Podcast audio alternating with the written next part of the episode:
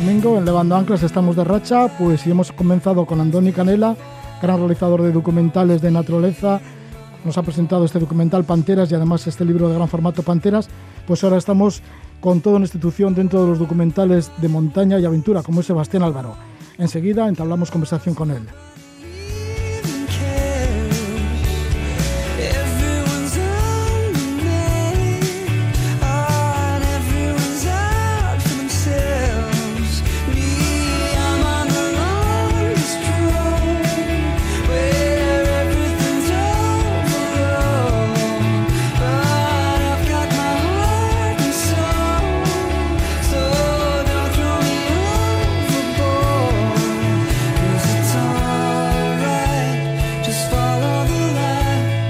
La música de Travis con el tema Follow the Light. Y sí, estamos con Sebastián Álvaro. Y hay que decir que acaba de finalizar, esto una noticia, la edición número 14 del Mendifil Bilbao Vizcaya. Uno de los protagonistas ha sido el propio Sebastián Álvaro. En este Mendifil pues han proyectado 52 películas, han sido numerosos los invitados, las exposiciones, las conferencias, todo muy emotivo. Entre los actos principales está el premio WOP Mendifil en la defensa y transmisión de los valores sociales del alpinismo. Este año se le ha concedido a Sebastián Álvaro Lomba, creador y director del célebre programa de televisión española Al filo de lo imposible. Durante 29 años ha estado al pie del cañón con más de 200 expediciones y 300 documentales. Es una de las personas que más viajes ha realizado a los lugares más inhóspitos del mundo y allí está al pie del cañón porque está a punto de partir para la Antártida. Autor de 26 libros sobre montañismo, los ha escrito a lo largo de los últimos 40 años, Sebastián Álvaro entiende el alpinismo como una escuela de vida por otra parte, pues ha ofrecido una conferencia en el Mendifil sobre su libro Everest 1924, El Enigma de Erwin. Y vamos a hablar de este libro, así le tenemos a Sebastián Álvaro, al que le damos la bienvenida. Muy buenas noches, Sebastián. Hola, buenas noches, Roge. Por cierto, es un honor estar aquí y la música que pones siempre es increíble. Oye, pues muchas gracias, Sebastián, muchísimas gracias. las cosas eh, hechas con cariño y que unen distintas cosas como, como la radio, como la cultura, como los libros, como el alpinismo, complementándose con música, son mucho mejores. Bueno, pues ya hay que darte, Sebas, también las felicitaciones, grandes felicitaciones por este premio WOW Mendifil a la defensa y transmisión de los valores sociales del alpinismo que se te ha concedido. ¿Cuáles son para ti los valores que transmite la montaña? Los valores que transmite la montaña no empezaron de ayer, ni nada empezó de cero. En realidad, los valores que transmite la, montaña son los valores clásicos de, las que, de los que ya hablaban los griegos y que luego recogen prácticamente todas las culturas del, del mundo, buena parte de las religiones también, y que en definitiva son las que yo aprendí de mis padres. Mis padres eran los lecheros del de campamento y ya me enseñaron determinadas cosas como que no tienes que mentir, como que hay que ser honesto, eh, hay que ser valiente, hay que ser respetuoso, hay, hay que ser solidario. Cuando alguien te pide ayuda en montaña, no puedes decidir no dársela. E, ese tipo de cosas que ahora se oyen, ¿no? Yo es que bastante tengo lo, con lo mío como para ayudar a una persona. Bueno, eso nunca ha sido así en, en la montaña y de hecho uno de los principales actos del Mendy precisamente fue hablar de una expedición eh, española, una expedición navarra de 1971 a un pico del, del Inducus, en el que perdieron a un compañero y otro estaba mal herido. Había una expedición polaca y la expedición polaca no dudó en ningún momento que lo que tenía que hacer era aparcar su ascensión, su escalada, para ir a echar una mano, a ayudar a una gente que era la primera vez que veía en, en el mundo. ¿no? Yo creo que eso es lo que hace del alpinismo eh, una actividad noble con un sentido profundo de, la vida y, eso, y de la honradez, la honestidad, todo eso que nos han transmitido un montón de, alpinistas, de, que además eran escritores, como Walter Bonatti, como George Mallory, ¿no? el, protagonista de, de mi libro. Sí, tu libro, bueno, y ese libro que está muy relacionado con el y tu amor al Everest, porque hay que decir que en el año 1987 realizaste la primera expedición a Nepal Y hasta el 2001 filmaste más de 10 documentales sobre el Everest y organizaste cinco expediciones al Everest. Y ahora este libro, Everest 1924, en el cual pues intentas desvelar el enigma de Erwin y Mallory o por lo menos dar datos sobre lo que pudo pasar en esa situación, en aquella época, porque igual pudieron ser los que llegaron a la cumbre, los primeros en llegar a la cumbre. El, libro tiene, eh, yo creo que dos funciones claras. Eh, por un lado, recuperar la memoria de unas personas que en buena medida, eh, sobre todo desde 1933, fueran, yo diría que ninguneadas, ¿no? En 1924 desaparecieron Irving y Mallory cuando estaban, según eh, contó su compañero Noel Odell, que los vio por última vez, estaban a 8.650 metros de altitud, o sea, a 200 metros de la cumbre, y desaparecieron. Luego se encontraría el cadáver de Mallory en 1999, pero quedó la duda de si habían hecho o no habían hecho cumbre. Sus compañeros de expedición siempre pensaron que sí. Pero sin embargo, desde 1933 lo que ocurrió es que salió una expedición británica de nuevo y salió de casa, de Londres, eh, diciendo que, Irving y Mallory no habían tenido ninguna posibilidad de subir al, al Everest. Resultaba lógico eh, pensar que opinaran de esta forma, porque si no, ¿qué sentido tenía que ellos fueran a, escalar el, Everest otra vez? Pero lo peor es que volvieron ahondando en el tema, encontraron, por cierto, el piolé de Irving y eh, vieron, trajeron por primera vez la imagen del segundo escalón del Everest por la cara norte, que es el paso clave de, de la ruta, y vinieron diciendo, que Irving y Maloney no tuvieron ninguna probabilidad de escalar el segundo escalón y que además el lugar donde encontraron el, el piolé seguramente habría sido el lugar desde donde se cayeron al vacío y se mataron. Bien, durante mucho tiempo, hasta prácticamente nuestros días, se impuso ese relato de los hechos que había hecho la expedición de 1933 y la gran mayoría de la gente que apoyó ese, ese relato, grandes alpinistas, pongamos por caso mm, eh, Mori Herzog, eh, Reynold Merner, Conrad Zanker o Juanito Yarzábal, mi buen amigo Juanito, eh, mantuvieron esa misma posición. Y sin embargo, cuando se descubrió el cadáver en 1999, todos los datos y que, que se extrajeron eh, de las pertenencias y del propio descubrimiento del cuerpo de Mallory, lo que hizo fue tirar por tierra todo lo que habían contado en 1933 la expedición de sus compatriotas.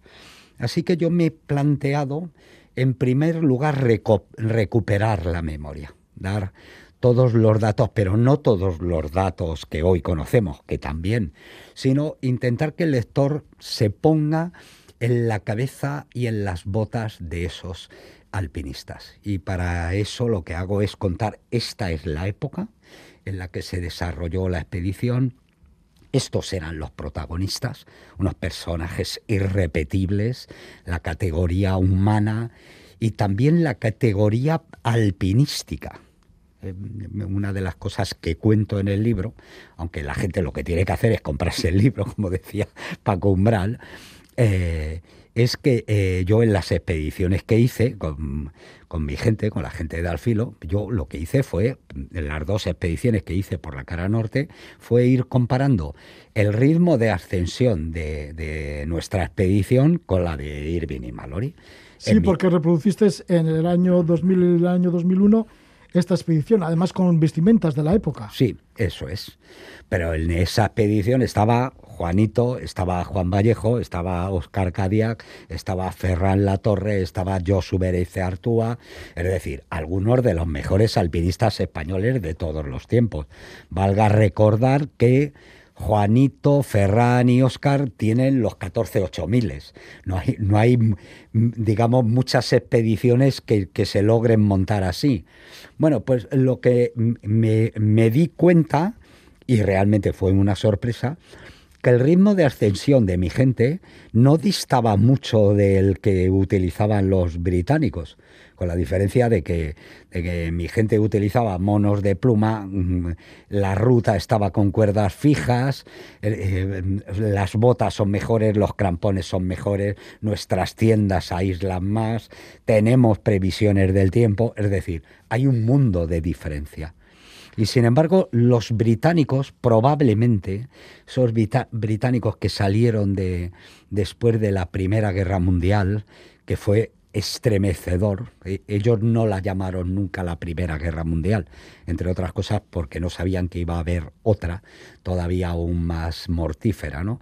Ellos le llamaron la Gran Guerra y le llamaron la Gran Guerra porque la humanidad no había conocido en realidad una devastación tan absoluta como lo que significó eh, la Gran Guerra. Por ejemplo, buena parte de los protagonistas del año 24 habían participado, aunque ellos no lo sabían, en una de las grandes batallas de la Primera Guerra Mundial, la batalla de Somme, la de Verdún fue otra, pero ellos, eh, muchos de ellos coincidieron por ejemplo, Mallory como teniente de artillería en la batalla del Somme.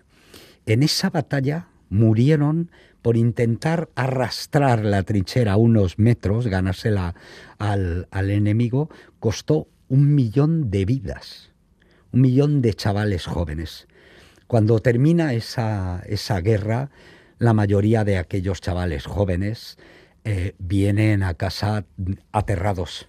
Es la primera vez que se eh, diagnostica el trastorno postraumático de, de la guerra, es la primera vez que hay gente que le dan permiso para volver a su casa y no quieren ir a volver a casa por no contaminar a sus familias con lo que están viendo en el que los soldados británicos son mandados directamente a las trincheras a pecho descubierto a enfrentarse a un alemán con una ametralladora que dispara 400 eh, tiros por minuto.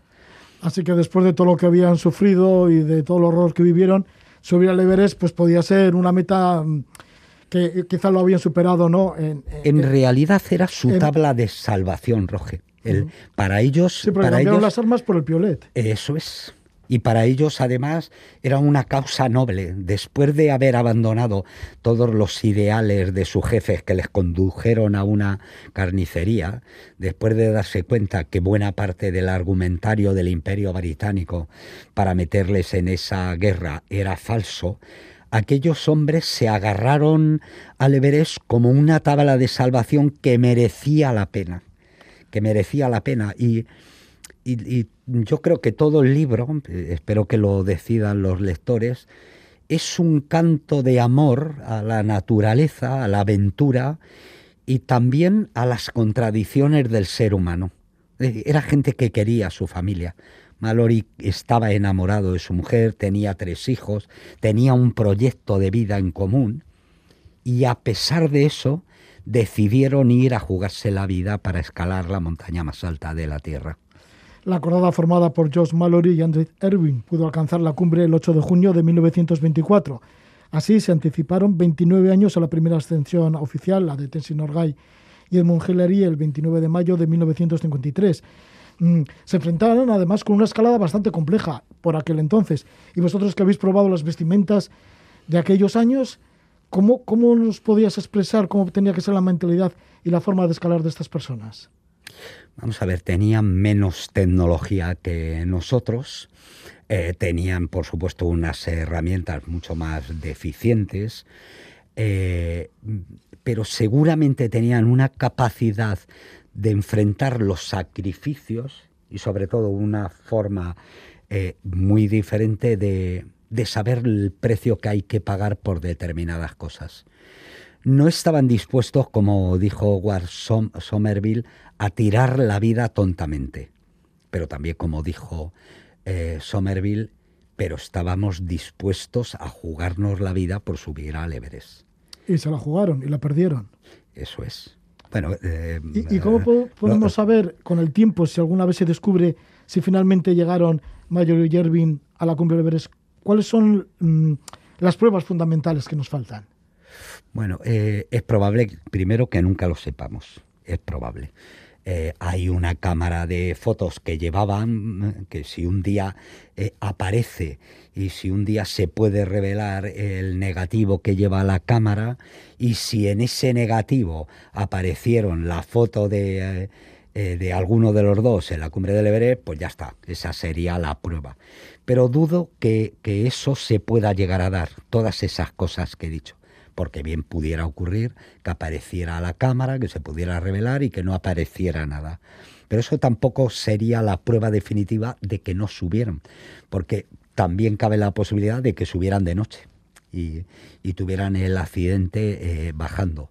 Y luego también es probable que, después de, un siglo la cámara se haya abierto, haya entrado agua, eh, se haya velado el, el carrete Así que en realidad deberíamos de guiarnos por las pruebas que a día de hoy conocemos. Y, ahí, por no enrollarme mucho, eh, porque están todos los datos en el Everest, eh, yo, creo que, que en realidad todo lo que conocemos hasta hoy indica que sus compañeros tenían razón y que todas las pruebas de las que disponemos hoy en, día no, no quieren decir, no nos dicen con seguridad que hayan subido a la cumbre, pero sí que nos dicen que ante las diferentes probabilidades hay más probabilidades de que hayan subido a la cumbre de que no lo hicieran. Si nos lo dice Sebastián Álvaro, que lleva obsesionado con este tema durante muchos y muchos años, que ha hecho expediciones al Everest, pues igual las cosas van por ahí. Estamos hablando de este libro, Everest 1924, El Enigma, Derwin y Mallory. Un libro que además de hablar del carácter de, la época y de cómo fue la expedición, pues además de todo ello, pues sí que em, recuerdas acontecimientos vividos tú mismo en el Everest junto con, otros compañeros, ¿no? Y además hablas de otros compañeros y de grandes, de grandes montañeros. Por ejemplo, Félix y Alberto Ñorratigui, Juanito Yarzábal, Walter Bonatti, que lo has nombrado, Maurice Herzog, Kurt Reinhold Messner, Iñaki Ochoa de Olza, Edurne Pasabán, Juanjo San Sebastián, el geógrafo Eduardo Martín de Pisón. Toda esta gente también va apareciendo en el libro. Mm, vas comentando momentos también que habéis vivido con, ellos en el Everest o en, otros, en otras montañas. También lo que ellos opinan sobre, sobre el Everest 1924. Eso es y José Carlos Tamayo. José Carlos Tamayo, por supuesto. Es decir, lo digo porque eh, muchos de ellos eh, no solamente eh, dan su punto de vista eh, al respecto de lo que pudo haber pasado, sino que aportan, digamos, su conocimiento también al Everest. Toda esa gente que, has nombrado estuvieron en el, en el Everest, tienen, conocen la montaña perfectamente. Hay, personas como Ferran Latorre, que me parece que ha estado eh, intentando escalar el Everest ocho veces. Es decir, hay gente que conoce muy bien el Everest, otros como el geógrafo y geólogo Eduardo Martínez de Pisón, ha estado dos o tres veces haciendo estudios y trabajos geológicos de campo sobre, sobre el Everest y sobre esa misma vertiente del, del Everest. Pero, por ejemplo, José Carlos Tamayo, cuando le preguntó, cuando le pregunté qué te parece si subieron o no, eh, mm, me dio, por ejemplo, pistas que a mí no se me habían ocurrido de cómo podían haber pasado el segundo escalón el segundo escalón, que es un muro de piedra de unos 25 metros de altura, pero que realmente la escalada viene a ser, depende de los años y de la nieve, entre 4 metros y medio y 7 metros y medio, me dio pistas muy interesantes. Cuando le dije, bueno, ¿y cómo podían haber salvado esto en 1924 sin los conocimientos que tenemos? Y lo primero que que me dijo es, bueno, Seba, por aquellos tiempos ya se conocía lo que era un paso de hombros. Es decir, un compañero se pone debajo, te pones encima y, y, y, y, ya directamente, prácticamente de los cuatro metros y medio, pues te has quitado casi dos metros. ¿Y los otros dos metros y medio, cómo los hubiera salvado, José Carlos? Dice, bueno, yo si hubiera tenido un pioles como los que ellos llevaban, que eran auténticas varas, ¿no? Dice, hubiera encajado, hubiera empotrado el, el piolet y me hubiera terminado de dar los dos metros y medio. A lo que me refiero es que en realidad el, el libro, en el libro, que, no pretende ser neutral, porque como tú bien sabes, siempre he defendido el alpinismo clásico, la visión romántica de la montaña y del paisaje, pero sí que he pretendido ser en todo momento ecuánime y honesto. Yo a la gente le doy todos los datos y luego que cada lector en su casa recapacite al respecto de si estos hombres se merecieron la cumbre del Everest o no. En el libro también está muy bien todas las fotografías que hay, los textos sobre la reconstrucción que hicisteis de esta expedición de 1924, esta expedición británica que pudo alcanzar la cumbre del Everest y así ser los primeros. Y ahí estaba Josué Certúa, Alberto Cerain, eh, también Oscar Cadillac, que darían vida a Noel Odell, el cámara, Andrew Erwin y Josh Mallory. Bueno, pues para ellos era también como alcanzar el tercer polo. Y es que al tercer polo, a uno de los grandes continentes eh, como es la Antártida, te vas a acercar dentro de muy poquito, ¿no? A finales del mes de diciembre. Sí, el día 30 salimos para allá, lo cual quiere decir que las subas probablemente las estaré tomando o bien ya en el velero que nos lleva de, de Punta Arenas adelante o a lo mejor en Punta Arenas y, y al día siguiente, el día de Año Nuevo, ya esté navegando si encontramos buen tiempo. Claro que cruzar el mar de Oce siempre es complicado, ¿no? Sí, porque vais a navegar en un velero, vais a ir hacia allí, hacia la península antártica, por mar. Sí, sí, en un velero, además un velero pequeñito para, para siete personas nada más. ¿Cuál es la idea que tenéis allí? Una vez que bueno, en la península eh, antártica. tengo pensado escalar un par de montañas o tres, depende de, de dónde. El, eh, en, expediciones como estas, dependemos mucho de, de cómo el barco se abra camino entre los hielos qué cantidad de hielo nos encontraremos en, lo que es la banquisa y que te puede imposibilitar llegar a, tierra firme. Pero vamos, conozco muy bien la zona porque para mí esta será la sexta o la séptima vez que, voy a la Antártida. Y nuestra idea es eh, escalar un par de montañas, pero sobre todo llevamos un proyecto muy bonito que se llama En las últimas fronteras del planeta, que, eh, está eh, avalado por la Comisión Nacional del Quinto Centenario de la Vuelta al Mundo de Magallanes y Elcano. Y, ya hemos estado filmando en el Cerro Torre con Alberto Iñorrategui, con Juan Mari Iraola, con Martín Pala. Eh, pero nos falta todavía otras dos expediciones a Tierra de Fuego y esta a la Antártida. Se trata de, de mostrar al telespectador, primero, cómo son esos, las últimas fronteras del planeta, los últimos lugares que viven al margen de la domesticación del, ser humano, y al mismo, también, al mismo tiempo también tiene un apartado histórico de mostrar cómo, son la, cómo eran las navegaciones en, en, esos lugares que estaban en el mundo del fin del mundo, con aquellos barcos del siglo XVI, con su conocimiento de, que tenían geográfico de, de la zona y contar dos historias realmente fascinantes que son la, las historias de Elcano, que, que, aquí desde luego es muy conocido, pero sin embargo Pedro Sarmiento de Gamboa y Juan de Ladrillero, otros dos navegantes del siglo XVI, apenas son conocidos y son historias realmente fantásticas, increíbles. Sebastián Álvaro, siempre con historias fantásticas, increíbles, que además las vive al pie del cañón, al pie del terreno. Sebastián Álvaro, que nos ha hablado de su libro, Everest 1924, el enigma de al cual también le volvemos a felicitar porque ha tenido el premio WOP del Mendefield a la defensa y transmisión de los valores sociales del alpinismo en, el último, en la última edición del Mendefield Bilbao Vizcaya, que se acaba de terminar.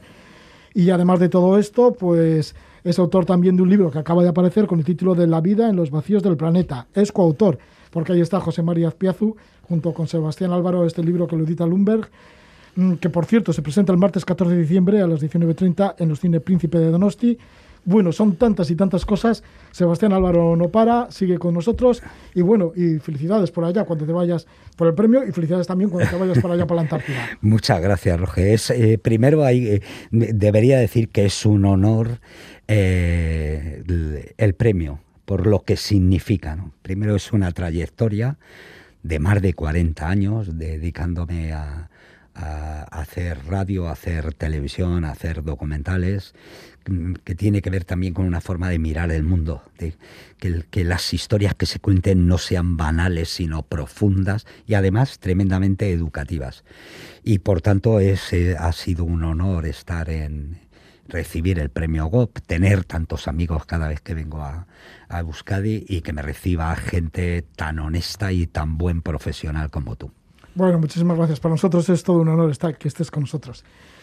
Gracias por todo. Buen viaje a la Antártida. Gracias, amigos.